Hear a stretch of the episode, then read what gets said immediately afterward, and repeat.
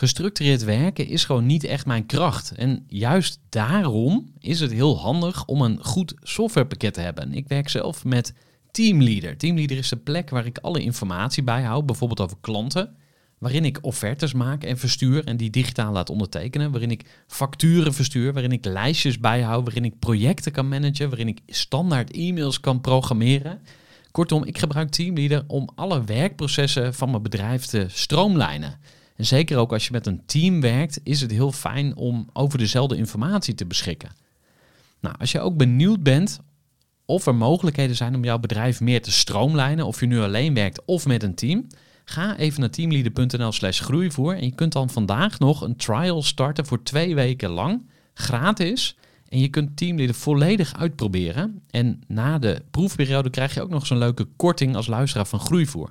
Ga naar teamleader.nl slash groeivoer. Groeivoer. Groeivoer. Groeivoer.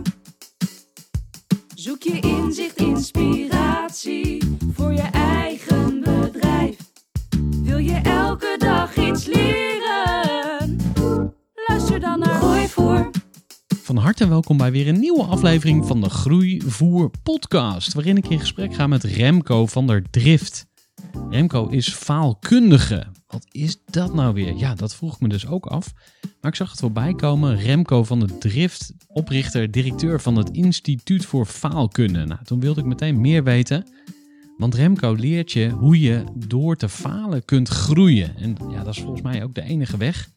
En ja, daar gaan we natuurlijk dieper op in. Van ja, hoe zit dat dan precies? En ja, wat is falen eigenlijk? En kun je het ook te veel doen of te weinig?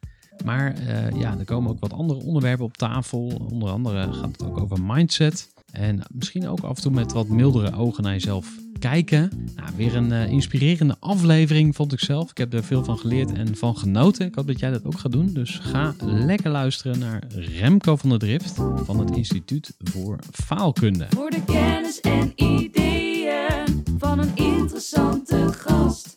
Die zijn verhaal met jou wil Remco van der Drift. Van harte welkom bij de podcast. Dankjewel Gerrit. Ja, en ik sta hier met de grootste faaldeskundige van Nederland, of misschien wel van het universum. Want jij eh, bent oprichter van het Instituut voor Faalkunde. Nou, dat triggerde mij enorm. Dus vandaar dat ik je ook eh, uitgenodigd heb. Maar voor we naar eh, jouw eh, misschien wel levensmissie gaan, wil ik eigenlijk even teruggaan naar ehm, eh, net na jouw geboorte, eigenlijk je vroege jeugd. Ja? Wat was Remco eigenlijk voor jochie? Nou, mooi man. We beginnen gelijk psychoanalytisch. Wat was ik voor jochie? Nou, heel speels. Een tikkeltje onzeker. Ja, dat eigenlijk. Ik moest laatst ook denken aan eh, de overgang van mijn lagere naar de middelbare school. Dat ik eh, in de brugklas eh, moest ik twee keer doen. Dat ze zeiden van nou, Remco is vooral bezig, eh zei ze tegen mijn ouders, met eh, die vlieg die dan door de klaslokaal gaat te, volgen en, eh, en, en spelen. Dus eigenlijk hadden ze me, eh, ja, en dat vond ik best eigenlijk, toen vond ik het heel vervelend, maar later dacht ik van ja, dat is natuurlijk wel wat er veel, met veel kinderen gebeurt. Hè?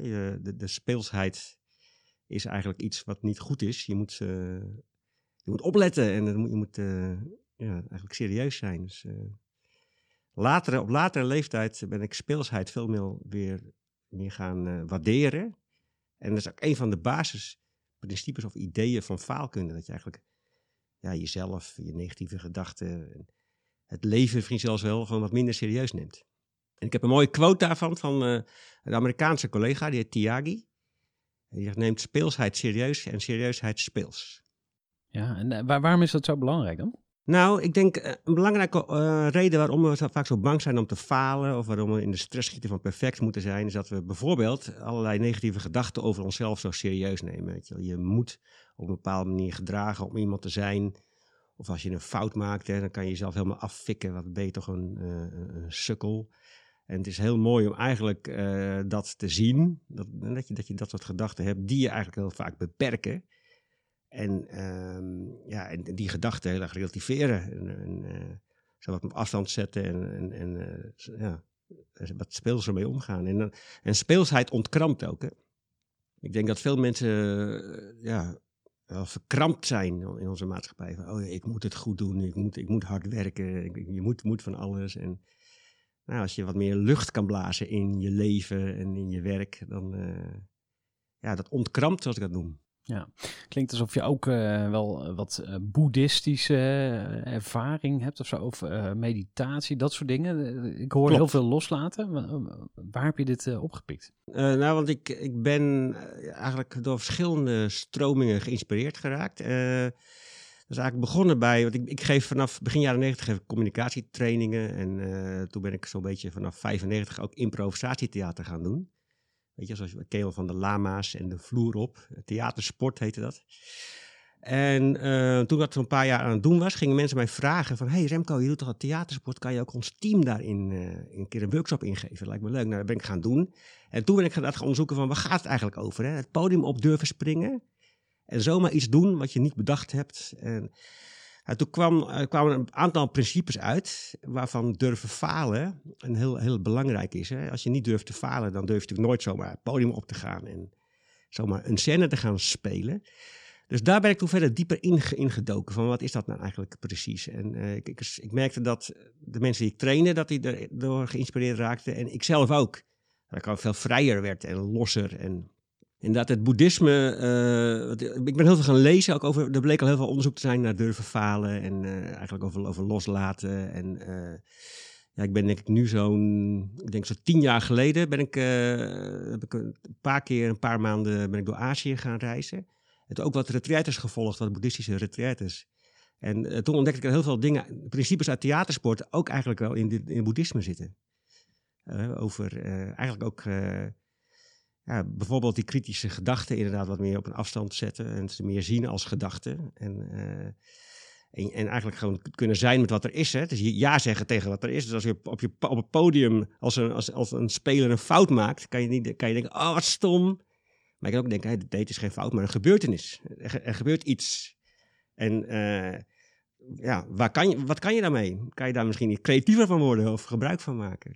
Ja, dus begonnen eigenlijk met theatersport. En um, ja, je bent zo diep in de faalkunde gedoken dat je zelfs een instituut hebt opgericht. Ja. Het Instituut voor Faalkunde.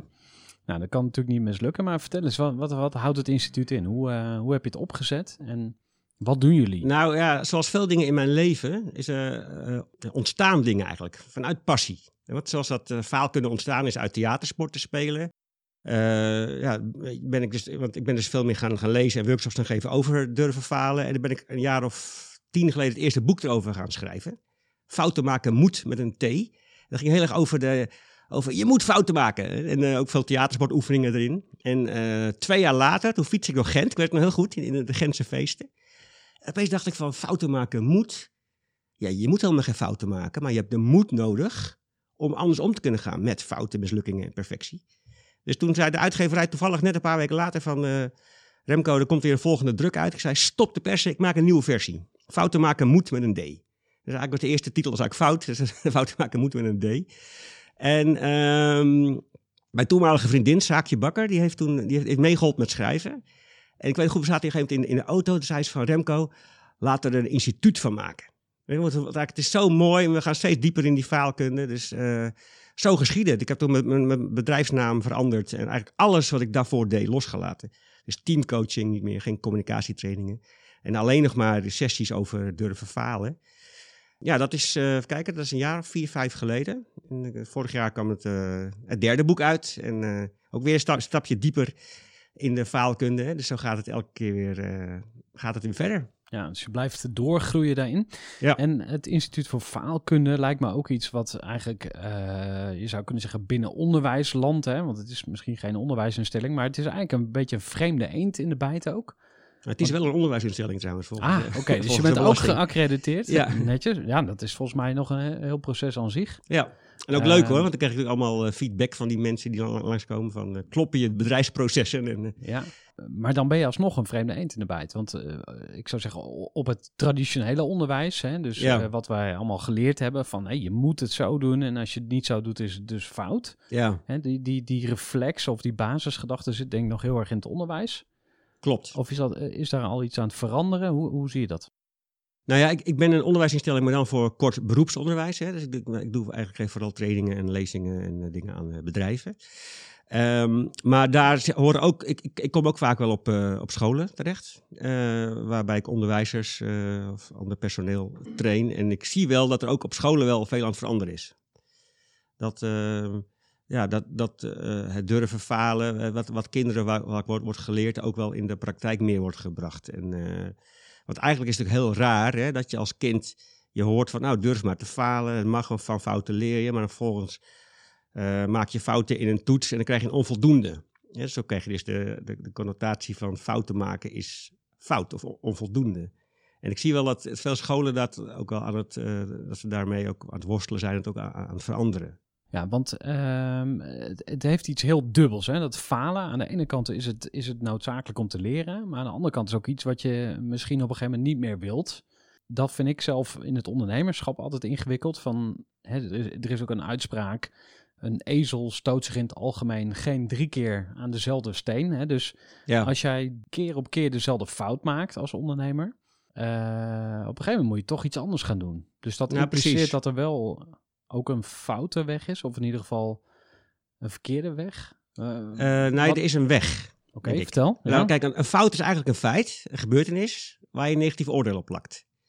En eh, dus als, je, als ik nou te laat was gekomen hier, dan had ik kunnen zeggen, Remco, je hebt een fout gemaakt, je bent te laat gekomen. En dat, dat, kan, dat kan zijn, want onze regel is in ons leven, je moet niet te laat komen. Maar eigenlijk het feit is het misschien dan, dat ik tien minuten later kwam dan de afgesproken tijd. En ik kan ook zien dat is een feit. En dus het oordeel wat loskoppelen. Dus eh, op die manier naar kijken, denk ik dat, dat je, dat je eh, ook al wat relativerend kan kijken naar fouten. En natuurlijk is niet zo, faalkunde is niet, je moet maar fouten maken, zoals in het eerste boek, maar je maakt ze. En faalkunde gaat over hoe kun je omgaan met de fouten die je toch maakt. En kun je jezelf toestaan om wat meer te mogen proberen, met het risico dat je op je bek gaat. En dat, is natuurlijk, dat, is, ja, dat hoort natuurlijk ook heel bij het ondernemerschap. En eh, alleen we houden onszelf daar, daar vaak zo in tegen. En maar hoe, komt dat, hoe komt dat? Nou ja, omdat je, je zegt net over die ezel. Ik denk dat we vaak de, de koppeling maken, dus fouten maken en een ezel zijn. Dus ik maak een fout, ik ben eh, dom. En dat is denk ik, dat als, als, als iets fout is, denk ik die, die koppeling fout. Want eh, kijk, je bent aan het leven, aan het leren, aan het proberen en daarbij maak je gewoon fouten. En de uitdaging is om inderdaad, als je een fout gemaakt hebt, om dan te reflecteren en, en dan weer iets nieuws te proberen. En niet te denken, waar ben ik toch een ezel? Of hetzelfde te blijven doen. Het is ook wel mooi om, eh, om dan weer een andere richting in te slaan. Vol faal moet weer de volgende kant op te gaan. En dan kijken we, hé, wat, wat kan ik nu, nu wel proberen? En daarom heeft mijn laatste boek ook Proberen lukt altijd. Want ik denk dat, dat, we, dat we ook als we aan het proberen zijn, dan gaan onze gedachten wel vaak naar moeten presteren. En waar, zit het verschil precies? Proberen gaat over de weg ergens naartoe. En dat lukt altijd. Je, je, weet je, bijvoorbeeld, ik zei net tegen jou toen, voordat we ik hier binnenkwam, ik ben, eh, over mijn eigen podcast. Een jaar geleden ben ik gewoon gestart met een podcast. Een aflevering heb ik ge- geprobeerd te maken. Zonder script of zonder de, enorm, enorm in te verdiept te hebben. En ehm, nou, en ik ben in, eh, afgelopen december ben ik dan de echte serie gestart. En die allereerste aflevering, die, dat was, ja, dat inderdaad een probeersel waarbij ik gewoon mensen in de studio heb uitgenodigd. En hebben gewoon, eh, nou, wat jij ook doet, gewoon gepraat. En ik heb daardoor geleerd van, dat ik iets meer, dat ik het toch meer moet voorbereiden. En meer moet kijken van, eh, waar gaat deze aflevering heen. Ik heb allerlei dingen geprobeerd. Dus ik kan in, het presteren gezien, zei ik, dat was de eerste aflevering, was ehm, geen perfecte aflevering. Nou, ik denk dat, dat geen enkele aflevering perfect is of hoeft te zijn. Maar in het, het proberen ervan is wel gelukt. Snap je? Dus de, de weg ergens naartoe, dat lukt, het, het doen, het, het proberen, dat lukt eigenlijk altijd. En het presteren, dat, ja, daar daar kan je van soms zeggen, nou, dit is eh, wel of niet gelukt. Ja, maar jij zegt dus je moet ook een klein beetje lief voor jezelf zijn. Tenminste, zo vertaal ik het. Hè? Dus eh, als je te hard ook, eh, oordeelt over jezelf, Ja, dat is eigenlijk een recept voor ongeluk. zeker. Dus ik zeg niet een klein beetje lief, je moet keihard lief voor je zijn. Voor jezelf zijn. Ja, en hoe, hoe pak je dat aan?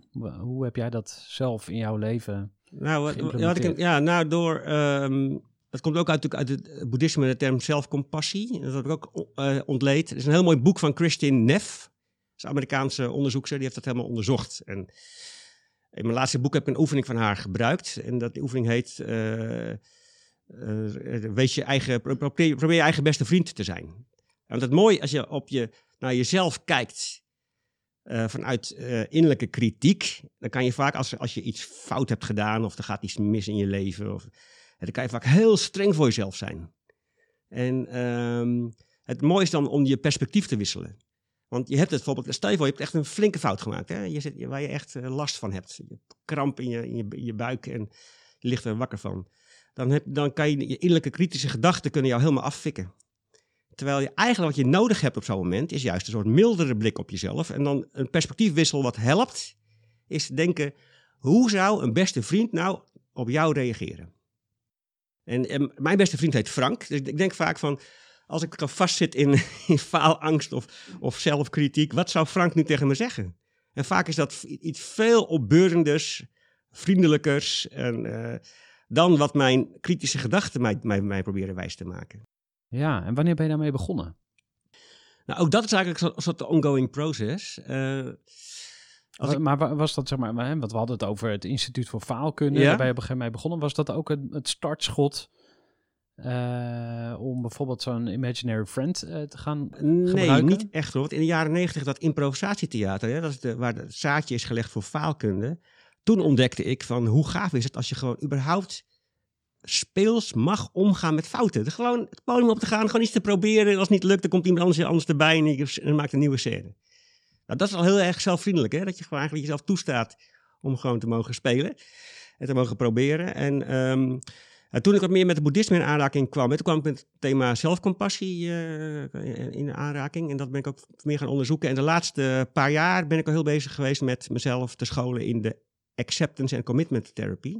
En dat is een ja, mindfulness-based, eh, eigenlijk heel praktische en wetenschappelijke ehm, eh, coachings- en therapiemethode. Maar dat bestaat pas 20 jaar, dat is vrij jong dus in, eh, in coaching- en therapieland. En ja, daarin, er zitten een aantal pijlers en daarin zit ook onder andere... hebben ze ja, zelfcompassie of een acceptatie van lastige gevoelens hebben ze heel erg goed onderzocht en eh, daar heb ook heel mooie oefeningen bij eh, gemaakt. Dus eigenlijk sinds ik met ACT bezig ben, heb ik, eh, ja, heb ik echt wel veel sterker het gevoel van ehm, eh, je bent niet je gedachten, maar je hebt gedachten en je kunt eigenlijk ja, anders daarmee omgaan. Waaronder bijvoorbeeld meer vriendelijker voor jezelf en, en, ja, en, en minder dus, die harde strengheid. Even een korte onderbreking met een belangrijke vraag aan jou. Want wat heb jij geregeld voor het geval je van de ene op de andere dag zou komen uit te vallen? Wat gebeurt er dan met je bedrijf, maar vooral wat gebeurt er met jou persoonlijk en ook in financieel opzicht? Samen met ASR voerde ik drie openhartige gesprekken over tegenslag en veerkracht. En dat deed ik met Saskia, Vincent en Pieter. Ondernemers met een bloeiend bedrijf die van de ene op de andere dag niet meer konden werken. En die verhalen hoor je in aflevering 256, 257 en 258 van deze podcast. Als ondernemer wil je natuurlijk niet uitvallen. En daarom is het belangrijk dat je veerkrachtig bent, want voorkomen is beter dan genezen. En als het dan toch misgaat, is het fijn dat je iets geregeld hebt, zodat je weer snel door kunt met ondernemen. Wil je weten hoe veerkrachtig jij nu bent? Vul dan in twee minuten de veerkrachttest van ASR in. Ga naar asr.nl slash veerkrachttest ondernemers. Ja, En wat, wat gebeurt er? Wat is er eh, veranderd in je leven daardoor? Nou, wat zo mooi in, in acceptance en commitment therapie, noemen ze dat? Psychologische flexibiliteit. En dat is eigenlijk dat je gewoon vrijer wordt om te kunnen kiezen en, en te durven. Want eh, als je wat meer vriendelijker naar jezelf kijkt en, je, en je, je bent je bewust van dat je negatieve gedachten hebt, hè, eh, dat je die gedachten bijvoorbeeld op te merken, dan komt er ruimte om te kunnen kiezen. Want als je bijvoorbeeld, eh, als ik iets nieuws wil gaan doen, nou bijvoorbeeld weer met die podcast, hè, als ik denk ik ga een, een podcast maken, en eh, je hebt, ik heb niet in de gaten dat ik, dat ik heel kritisch, kritisch ben op mezelf. Dat er heel kritische gedachten zijn. Dan kan ik eigenlijk, dat noemen ze binnen ACT, gefuseerd zijn met gedachten. En één zijn met je gedachten. En dus eigenlijk onbewust vaak, want gedachten merk je vaak niet, niet zo op, eh, iets niet gaan doen. En als je je gedachten meer opmerkt, hè, je hebt tussen de 12 en 60.000 gedachten per dag. En de, eh, 58, 85% ervan zijn negatief. Eh, dat is 50 85 85. Oh, ja, dat is een onderzoek uit 2015 van de National Science Foundation. Dus, eh, We hebben heel veel kritische gedachten. En eh, als je die wat meer opmerkt en ze wat op een afstandje voorbij laat, eh, laat ratelen, hè, zonder dat je ermee in gevecht gaat, dat kan ook ook gebe- gebeuren, of dat je ze veel te veel je laat controleren, dan komt er ruimte. En dan komt er ruimte om te denken van, maar ja, wat vind ik eigenlijk belangrijk, weet je wel? Vind ik het belangrijk, ja, bijvoorbeeld een belangrijke waarde in mijn mijn leven is creativiteit. Ik vind het belangrijk, podcast maken is super creatief en dat is, dat is heel gaaf om dan, eh, dat, dus dat dan wel te gaan doen. Ja, heel interessant. En ehm, want eh, we komen nu eigenlijk hè, spontaan in dat onderwerp van ACT. En het gaat dus heel erg over eh, mindset. Hè? Dus om maar Ja. even een label erop te plakken, maar iets wat wel ook eh, als het gaat om groei en ondernemerschap super eh, eh, relevant is. Mindset. Dus hoe denk je? Klopt. Want hoe jij denkt, dat be- beïnvloedt eigenlijk alles. Hè? Je, dat is gewoon ook je, je waarneming of je, je realiteit op een bepaalde manier. Ja. Hoe, hoe kun je, als je echt nog nooit van ACT gehoord had, of je zegt van ja, maar ik heb geen tijd in, thera- in, in therapie te gaan, of ik ben niet ziek, dus ik hoef niet thera- in, therapie. hè? Dus dat is ook alweer zo'n zo'n label. Ja. Maar wat, wat zou dan een eerste stapje zijn voor beginners, zeg maar, om, om dat bewustzijn een beetje te vergroten?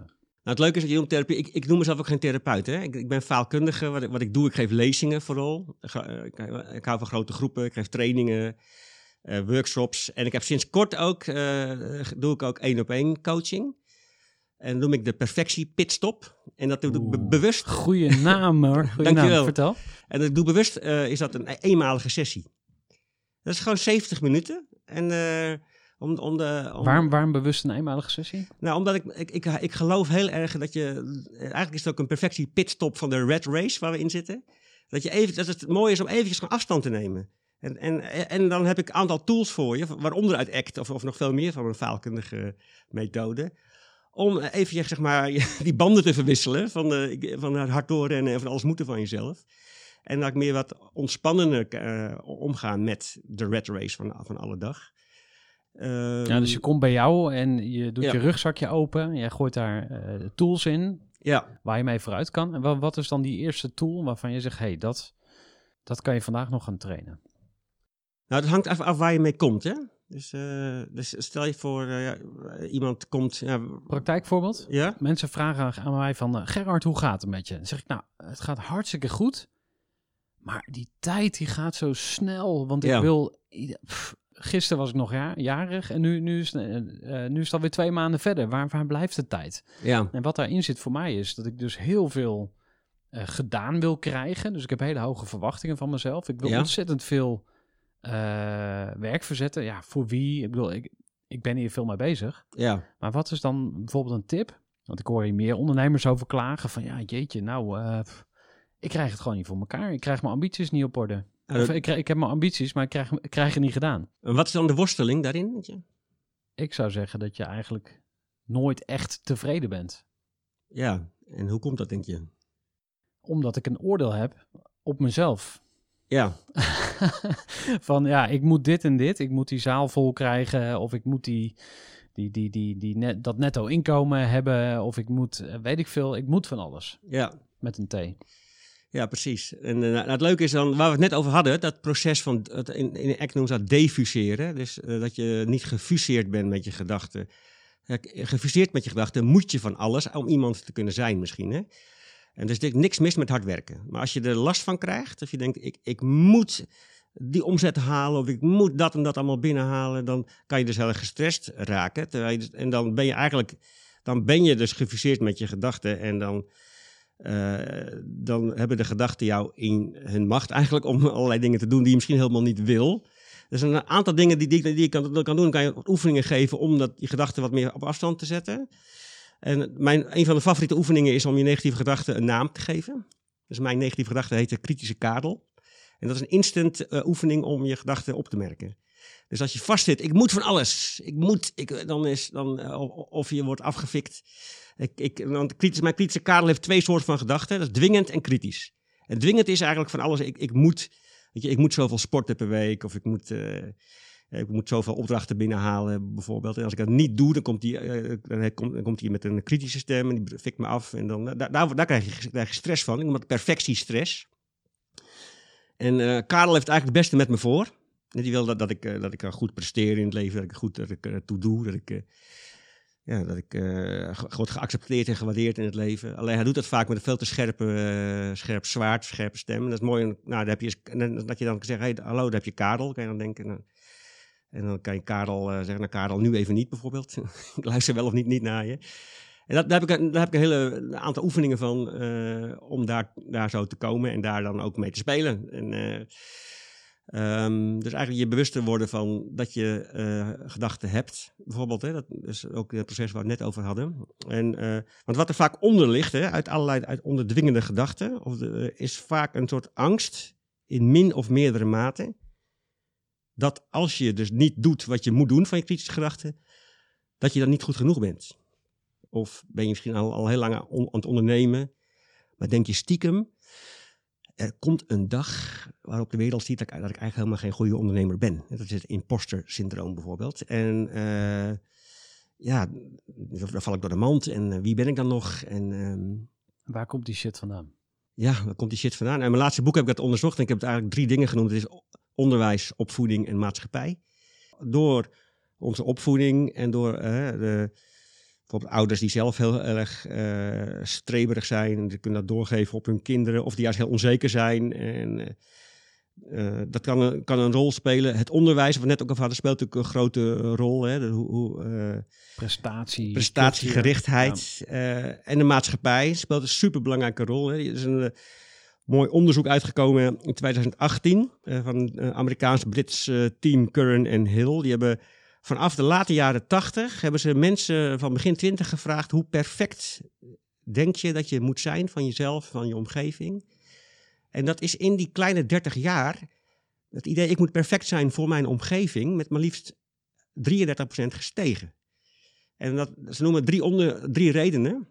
En de eerste is natuurlijk, heel veel mensen die zullen dat herkennen, dat, we, dat social media maakt dat we heel zichtbaar zijn geworden. We zijn vaak bezig met zo'n perfect plaatje van onszelf te tonen aan de buitenwereld. En eh, dat dat ook moet. En, en twee is ook dat we al heel lang leven in een ne- neoliberaal beleid in onze westerse maatschappij. Dat heel individueel gericht is. Hè. Heel maakbaar. Jij moet het maken. En als je het niet maakt, dan ben je, dan ben je misschien wel die, die loser.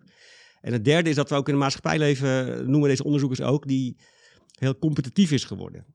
En met daarmee hele torenhoge verwachtingen van onszelf en, en elkaar. En die, die drie, eh, de mix van die drie factoren maakt dat steeds meer mensen denken, oh ik moet perfect zijn. En dat geeft dan eh, een heel erg eh, druk. Dus ja, combinatie onderwijs, opvoeding en maatschappij maakt dat we dus steeds meer die druk ervaren. Ik moet perfect zijn, ook om iemand te moeten zijn. En ook dat we allerlei dingen gaan doen om die angst van, oh ja, misschien ben ik niet goed genoeg of val ik een keertje door de mand, om dat, dat toe te dekken of te bestrijden.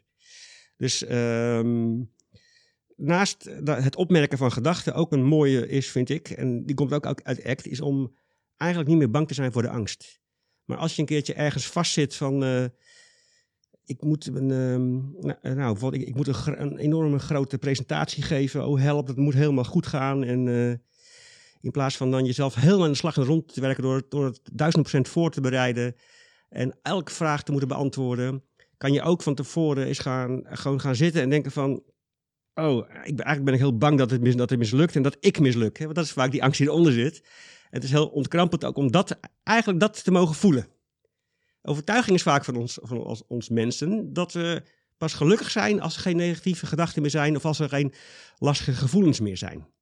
Hè, daarom zijn we ook allemaal zo verslaafd aan nieuwe dingen kopen. Dat ken ik zelf ook wel. Ik koop een nieuwe iPhone bijvoorbeeld. Ah, nu ben ik weer gelukkig. Maar ja, na twee weken is het...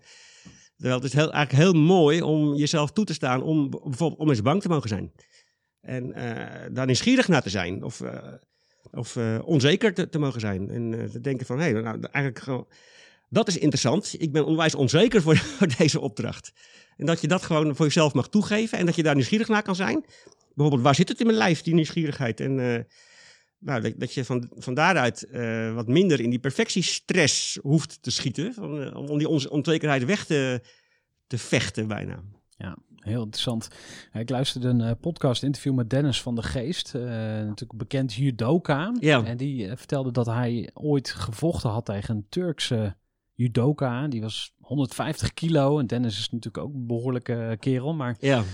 hij was zo bang voor die Turkse judoka. Ja?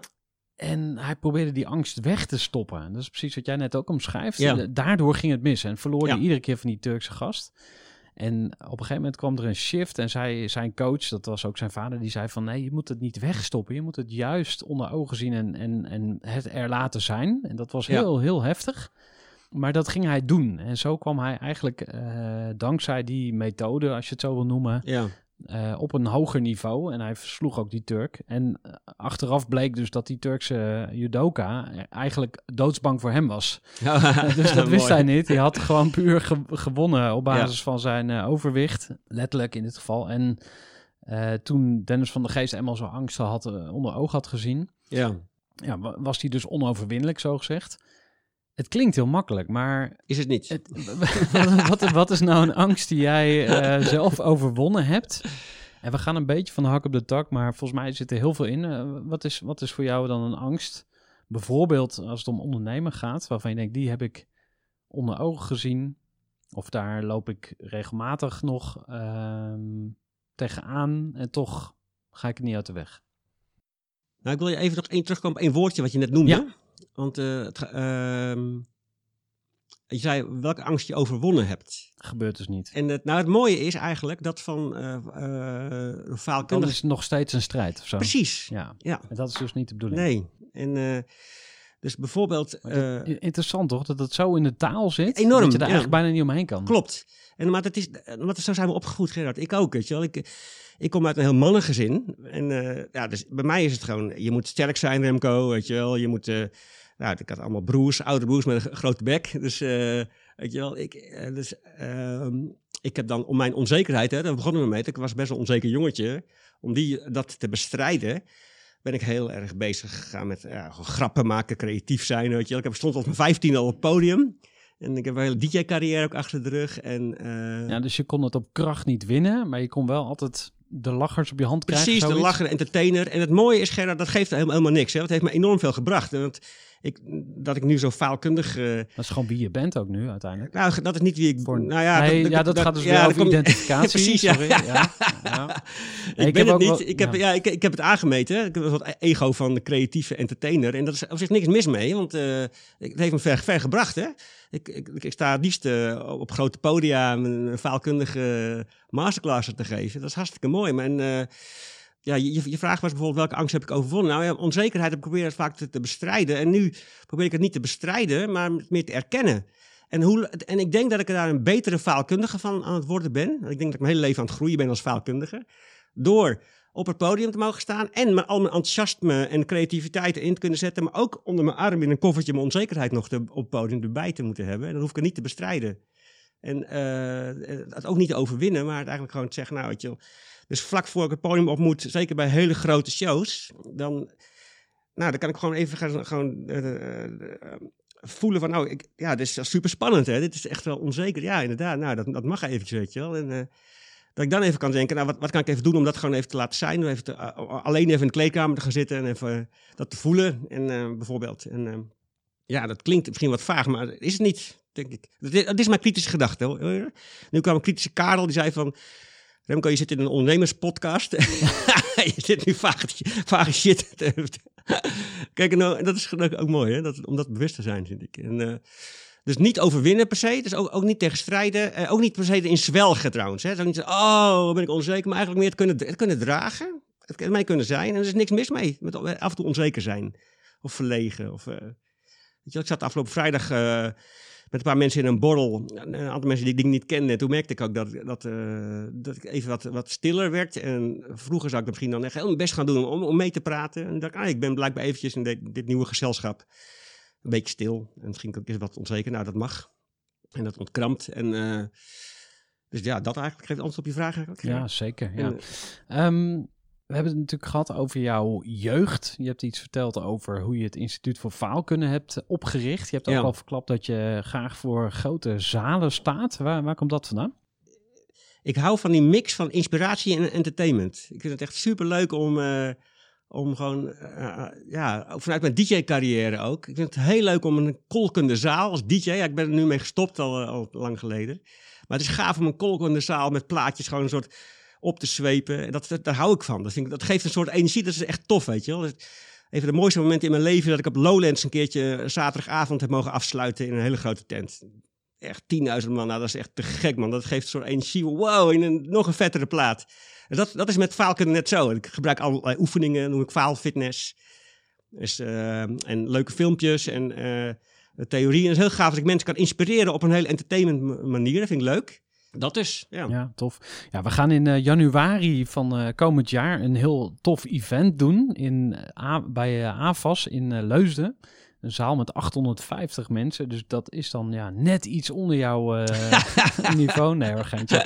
Maar dat, uh, uh, daar gaan we het ook over falen hebben. We hebben daar ook een fuck-up stage. Oh, leuk. Ja. En um, eigenlijk is dit ook eh, een van de, van de pilaren zeg maar, van groeivoer en van de groeiclub. Dat je juist uh, je, je, je falen omarmt, zeg maar. Of dat, dat het er gewoon mag zijn. Ja. Hoe moeilijk het ook is. Tenminste, ik vind het zelf heel lastig. Ja. Want aan de ene kant wil je daar open en kwetsbaar over zijn.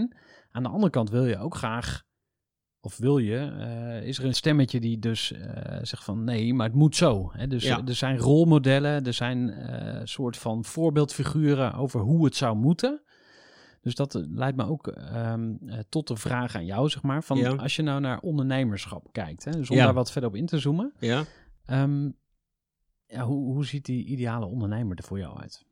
Nou, het leuke was dat ik door jouw uitnodiging ook aan aan het denken was over mijn eigen ondernemerschap. En uh, ja, wat is een goede on ondernemer? Ben ik zelf een goede ondernemer? Ik weet het niet. Ik, ik hou van ondernemen. Ik vind het leuk. Ik denk, dus daarom denk ik, een goede ondernemer is een ondernemer met, met, met passie. Uh, die, die dit doet omdat hij het leuk vindt om te ondernemen, omdat hij zijn product of zijn dienst ervan houdt. En bereid is om, uh, om te groeien. Dus uh, niet alleen maar je, je, je eigen vak te, groeien, maar als mens. Om, de, ja, om eigenlijk, wat ik zelf steeds meer zelf voel van, en dat, dat, dat vind ik ook mooi als andere ondernemers dat doen, dat je groeit ook omdat je gewoon iets wil bijdragen aan de wereld. En ik, ik vind het zelf wel mooi om, om een, wat mildere maatschappij te, aan daar te kunnen bijdragen. Dat we wat, wat milder zijn voor onszelf en elkaar. En dat we niet allemaal omvallen van perfectiestress. En, uh, dus ja, ik denk als je als ondernemer gewoon je eigen passie kan, kan inzetten. En uh, positieve e energie. En dat je houdt van je product. En dat je, ja, dat je de wereld mooier wil maken. Dan, en dat je, de, ja, denk, denk ik, dan ben je voor mij een goede ondernemer.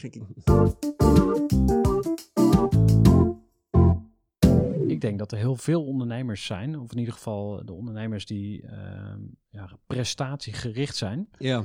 Iemand uit mijn omgeving, die is ook ondernemer, die zei ook van ja, uh, ga maar eens graven bij die ondernemers. En ze hebben allemaal zo'n verhaal van, ik wilde me bewijzen voor die, of ik wilde... Ja. Uh, dus denk je dat dat waar is? Of was dat, zou ook... kunnen, dat zou kunnen. Als ik naar mezelf kijk, dan, wat ik net noemde, die onzekerheid uit mijn jeugd heeft voor gezorgd dat ik dus eigenlijk ook allerlei, allerlei bewijsdrang ben gestapt. Op DJ-podia, theaterpodia, faalkunde-podia, trainingen geven. Nou, dat is op zich niks mis mee. Uh, de vraag is, zit het... Kijk, soms zit het in de weg. En uh, ik, ik, ik heb geleerd om daar flexibeler en vrijer mee, mee, mee om te gaan. En uh, dat is mooi, vind ik. Ja, dat is groei. Mooi. Ik vond het heel mooi wat je net ook deed tijdens het gesprek. Zei oh, daar is kritische Karel weer. Ja. Dus dat is uh, wat ik sowieso meeneem ook uit dit gesprek. Om uh, in ieder geval die, die, uh, die grommende Gerhard vaker te herkennen. Ja, voor de positieve Gerhard, mijn, uh, mijn beste maat, moet ik nog even een naam verzinnen. Maar dat is dus eigenlijk dat engeltje en dat duiveltje op je schouder ja, als het ware. Maar niet helemaal. Het engeltje en duiveltje kan zijn dat die positieve, die, de, de, de grommende Gerhard wil weg, weg wil hebben. Dat is ook alweer gelabeld, hè? Zo ja, want dan, dan, dan, ga je ook weer strijden eigenlijk. Dus eigenlijk, want, die, want grommende Gerhard, het is eigenlijk leuk om eigenlijk gewoon nieuwsgierig te zijn naar grommende Gerhard. Waar, waarom is die er? En wanneer is die er? En wat wil hij eigenlijk voorkomen? En... Uh, nou, heb je er zin in om, naar te luisteren? Er zit ook vaak wijsheid natuurlijk in grommende Gerard. Bij mij ook. Dus uh, hij heeft het eigenlijk het beste met, met me voor. En, um, kijk, vaak is het natuurlijk ook zo, die angst om niet goed genoeg te zijn, dat kan je ook... En, en, en de vele negatieve gedachten die we hebben, die zijn ook evolutionair. Hè? Het heet negativity bias. Als mens zijn we... Of ons brein, oud gedeelte van het brein, is heel erg gericht op overleven. Dus het was in de oertijd ook best slim om, om vooral bezig te zijn met komt er een leeuw aan of niet. Hè? En uh, nou, in deze maatschappij lopen er geen leeuwen hier door, door, door de stad bijvoorbeeld. Maar um, ja, dus maar ons brein is wel gericht, eh, eh, ben ik nog veilig eigenlijk? Dus, en, eh, ehm, een, een, fout kan zomaar eh, voelen als, eh, als onveilig, omdat je misschien ook wel bang bent om misschien buiten de groep te worden geplaatst als je, als je fouten maakt of, eh, of als je niet perfect bent. En ehm, dus onbewust kan je oudste gedeelte van je brein aangaan. Ja, gaan echt eh, eh, bang zijn dat het niet meer veilig is eh, voor je. Hey, en misschien nog heel even over ondernemerschap. En dan met name ook even het zakelijke stukje daarbij. Want je Ja. vertelde al dat je graag ook voor, voor groepen staat. En eh, je hebt een aantal verschillende producten en diensten. Het woord verdienmodel is nog niet gevallen. Dus die wil ik er toch nog even ingooien. Ehm, Jim Collins, een bekend eh, auteur op het gebied eh, van, van in de managementliteratuur, die heeft het altijd over de, de nou, altijd, maar hij heeft het, het hedgehog-concept eh, uitgewerkt. En dat gaat over passie, competentie en verdienmodel. Hij zegt dat zijn de drie essentiële onderdelen van een goed bedrijf of eh, van een succesvol bedrijf. Dus je hebt je passie, Ja, daar heb, jij, daar heb ik je veel over gehoord. Je competentie, je bent ergens echt goed in. ja. Ehm, en dan dat laatste stukje, dat verdienmodel. Want eh, als je alles gratis weggeeft, ja. dan kan je de huur niet eh, betalen. Dus hoe heb jij dat gebalanceerd of hoe heb jij dat geïmplementeerd in jouw ondernemerschap? Nou, door ook door geld te, te, te- durven vragen. Dus voor een lezing of een, eh, of een training. eh, ook ja, te kijken van. eh, ja, je, je vorige podcast heb ik toevallig zitten luisteren vanochtend over pricing. Dat is om daar ook, te, ook te, gewoon te durven, durven geld te vragen voor wat ik doe. En ook te geloven dat ik het ook waard ben. Ja, maar daar zit dus ook dan dat spoortje van angst kan daarin zitten. Van Ja, ben ik zeker. het wel waard? Zeker, dat, natuurlijk. Ja, dat voel ik ook wel vaak natuurlijk. Maar dat is dan. eh, mijn verdienmodel is ook gewoon om. Gewoon mijn workshops en mijn, mijn trainingen en, en lezingen en eh, alles om daar. Ja, om daar ook gewoon goed geld voor te vragen. Ja, zo dus eigenlijk. Is dat een antwoord op je vraag? Leer, ik, leer mij iets over, over het verdienmodel. Ja. nou, wat ik sowieso zie is dat het eh, vaak makkelijk is, of in ieder geval voor mij, om, om de waarde bij anderen te zien Ja, en daar een passend prijskaartje op te hangen. ja, En ehm, op een of andere manier is het moeilijker, voor mij in ieder geval, maar ik zie het ook bij andere ondernemers, om jezelf op waarde te schatten. ja, En eh, hoe ik dat verklaar, in ieder geval voor een deel, is, is ja, dat gaat misschien over eigenwaarde, maar het gaat ook over eh, you know too much. Je hebt zoveel kennis van wat er achter de schermen bij jou allemaal misgaat, ja. dat je denkt, ja, ik kan toch niet maken om daar puntje, puntje, puntje voor te vragen. Terwijl die klant, die ziet dat niet. Die Nee. ziet alleen maar gewoon wat jij aanbiedt. En überhaupt is die klant niet zo heel erg bezig met wat jij aanbiedt. Die is vooral bezig met zijn eigen probleem. ja, zeker. En eh, als jij iets hebt wat dat oplost, Ja, hè, dus wat is het waard om bijvoorbeeld bij jou ehm, een, een soort van reboot eh, gesprek te hebben? Hè? Dus een soort frisse start te kunnen maken. Ehm, ja, weet ik veel. Misschien is dat wel 10.000 euro waard of 100.000 euro. Dat zul Ja. je misschien niet zo snel opplakken. Maar eh, ja, geluk, wat, wat voor prijskaartje ja plak dat, je daarop? dat is wel moeilijk. Het is de moe- Kijk, ik, ik zit het is wel natuurlijk een beetje in de soft sector wat dat betreft. Hè? Want eh, wat, wat is, maar, da- maar daarom extra relevant. Zeker weten. En ik vind het ook wel lastig hoor, want wat is het waard? Weet je, wat is een lezing waard? En eh, ja, een aantal jaar geleden zei eh, mijn broer, die ook trainer is, van je moet veel meer vragen voor je lezing. Dus ik heb toen de, inderdaad de prijs wat opgevoerd. En ik heb een, ook een sprekersbureau die mij eh, boekt. En, eh, maar inmiddels, ik vind het ook wel, ja, ehm, ik ben daar inmiddels wat minder zeg maar, bang voor om, om een, gewoon een prijskaartje aan te hangen wat, ja, wat, wat, wat klopt met wat ik, wat ik bied. En, maar ja, ik, ik bied bijvoorbeeld wat, wat faalkunde voor effect heeft. Dat mensen wat, wat, wat meer kunnen focussen op, op, op leren en eh, wat meer met elkaar kunnen verbinden. En wat zich wat meer veiliger kun- kunnen voelen in een organisatie. Ja, ik denk dat dat heel veel geld waard is. Dat, dat, dat je in een, organisatie waar heel veel onveiligheid is, waar mensen niet mogen falen, waar mensen verkrampt zijn, dat er heel veel geld verloren gaat. Dus ik denk eh, ja, dat, het heel, eh, dat, het, dat ik mijn geld ook heel waard ben. Dat ik echt ook iets breng met een training of een lezing. Of een, Voor mij is het super belangrijk om vrij te kunnen zijn. En om te kunnen kiezen om met jou nu een podcast te gaan doen. En eh, mijn eh, bedrijfsprocessen in te richten zoals ik dat wil. En faalkunde op mijn manier de wereld in te zetten. Dat, geeft, dat is vrijheid. En, en, eh, en daarom, daar hoort voor mij bij het, het zelfstandig ondernemerschap. Dat, dat zou ik in loondienst niet, niet willen. En nou, dat, om zo te willen leven, ja, heeft, heeft, geeft dat wat neveneffecten die misschien voor andere mensen wat ongemakkelijk zijn, zoals je weet. En als, jou, als je mensen die in loondienst zijn, ook prima als je het belangrijk vindt om ehm, iedere maand een eh, bepaald salaris te krijgen, omdat, omdat je daar gelukkig van wordt, omdat het belangrijk voor je is om je gezin of je, eh, ja, je, je partner, eh, om, om die zekerheid te geven, wat een belangrijke waarde is. Weet je, dan is dan is niet goed, beter of slechter, maar dan, dan kies je voor, voor, voor die kant. Ja, ik, ik, ik zou niet anders meer willen dan zelfstandig ondernemerschap. En, en het mooie is ook, want dat is ook een mooie wat we nog niet genoemd hebben in, in, eh, in eh, faalkunde. En bijvoorbeeld die kant van lastige emoties durven eh, omarmen, erkennen. Hè? Dus de angst niet goed genoeg te zijn om erkennen. Maar ook bij dit soort dingen is eigenlijk ook ehm, een stap ervoor is je ongemak ehm, kunnen verdragen. Op je gemak te zijn met ongemak. Dus als ik het belangrijk vind om vrijheid, in vrijheid te kunnen leven als zelfstandig ondernemer, komen daar misschien ook wat ongemakkelijke dingen bij. En eh, nou, dan is de vraag, wil ik die, eh, wil en kan ik die, eh, die dragen? Wij als mensen zijn ook vaak heel erg geneigd ook om ongemak weg te poetsen. En terwijl ook, je wordt vrijer en ehm, ja, maar levenslustiger als je, als, als, het ook, als je dat ook mag, mag, voelen. Dus, en ik Noem, heb, het, noem eens een ongemak dan. nou, ik heb in mijn boek een leuk voorbeeld geschreven, wat, wat, wat, heel veel mensen denk ik wel herkennen. Dat als je in een gesprek zit met iemand en er valt een stilte bijvoorbeeld. Is het vaak, willen we dat ongemak van stilte oplossen door maar weer een vraag te stellen of wat te gaan vertellen.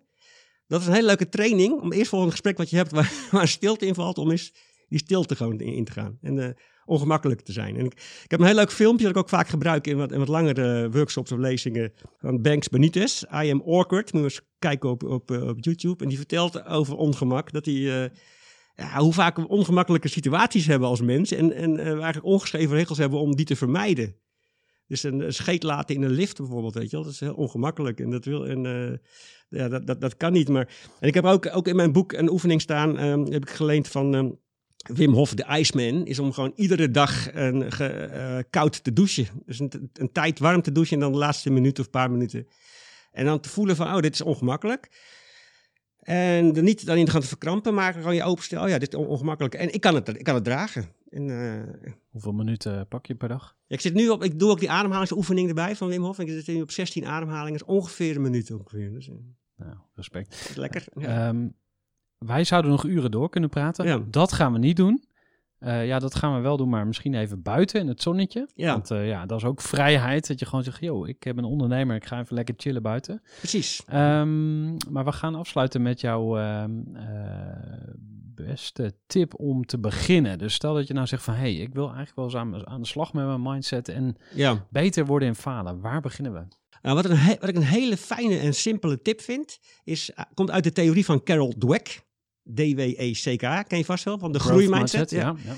Groeivoer, groeimindset. En zij heeft op een school in Chicago eh, heeft ze een heel simpel eh, iets, iets ontdekt. Daar gaven ze geen cijfers meer, maar zeiden ze tegen kinderen, je kan iets nog niet. En ik vind dat zo mooi om jezelf toe te staan, om iets nieuws te gaan proberen. En, en, en dan eh, te falen en dan te zeggen, hé, hey, ik kan dit blijkbaar nog niet. En nog niet, hè, in plaats van ik kan dit niet, ik faal, wat je in het begin zei, ik ben die ezel, ik kan dit niet. Nog niet is zo'n simpele, simpel voertuig eh, om op de leercurve te blijven. Want als je zegt, ik kan dit niet. Ik ben bijvoorbeeld zelf een tijdje al Spaans aan het leren. Met een vaste mindset van, oh, ik, ben, ik heb geen talenknobbel. En dan ben ik geneigd om ermee te stoppen. Of, of, of niet iets te durven in zo'n Spaans eh, klasje. Maar ik denk, ik kan dit nog niet. Dan geeft het me echt, echt gewoon energie om juist wel eh, mijn vinger op te steken. En zeggen dat ik het niet snap. Of die oefening voor de groep te gaan doen. En met het idee, hey, ik kan dit nog niet. En eh, ik kan, dan die groeimindset. Ik kan door, het, door wel te gaan proberen weer een stapje verder komen op de leercurve. Dus ik vind dat zelf een van de mooiste, meest simpele mooie dingen uit die hele groeimindset-theorie. Mooi. Als we iets meer over jou willen weten ehm, en over het Instituut voor Faalkunde, waar kunnen we dan terecht? Ja, eh, op, het, eh, op het web natuurlijk.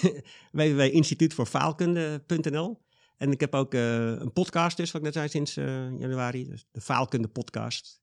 Elke maand een aflevering. En, Ja, en je boeken, kunnen we die ook bestellen op de site? Of waar, ja, waar bij, of bij? Bol. Of bij, nou ja, eigenlijk doe het bij, nu met corona, denk ik. Kijk, nu zegt kritische Karel, en die heeft ook al gelijk soms. Die zegt, nee joh, je moet eigenlijk dat die mensen zeggen dat ze het eh, bij de lokale boekhandel moeten halen. En dat, ja, dus koop mijn boeken. Het zijn ook te koop bij managementboeken en bol. Maar het is natuurlijk wel mooi om nu eventjes in deze coronacrisis de lokale boekhandel te steunen. Dus Ja, koop, maar- koop ze daar. Ja, je laatste boek. Proberen lukt altijd. Dankjewel Remco. Dankjewel Gerard. Ja, tot zover deze aflevering van de Groeivoer podcast. En als wij nog niet met elkaar verbonden zijn, dan wil ik je van harte uitnodigen om mij even toe te voegen op LinkedIn. Je kunt ook altijd langskomen bij een groeisessie voor ondernemers. We hebben elke week een mastermind call met de Mastermind De Groeiclub. En daar helpen we elkaar als ondernemers verder. En als jij het leuk vindt om een keer te komen proeven, een keer mee te snuffelen, kom gerust een keer langs. Dat is elke woensdagochtend van 9 tot 10 via Zoom. Inschrijven doe je door naar groeivoer.nl te gaan en op kennismaken te klikken. En dan kun je zelf een datum uitkiezen om langs te komen. En natuurlijk van harte bedankt voor het luisteren en graag tot de volgende keer. Gooi voor.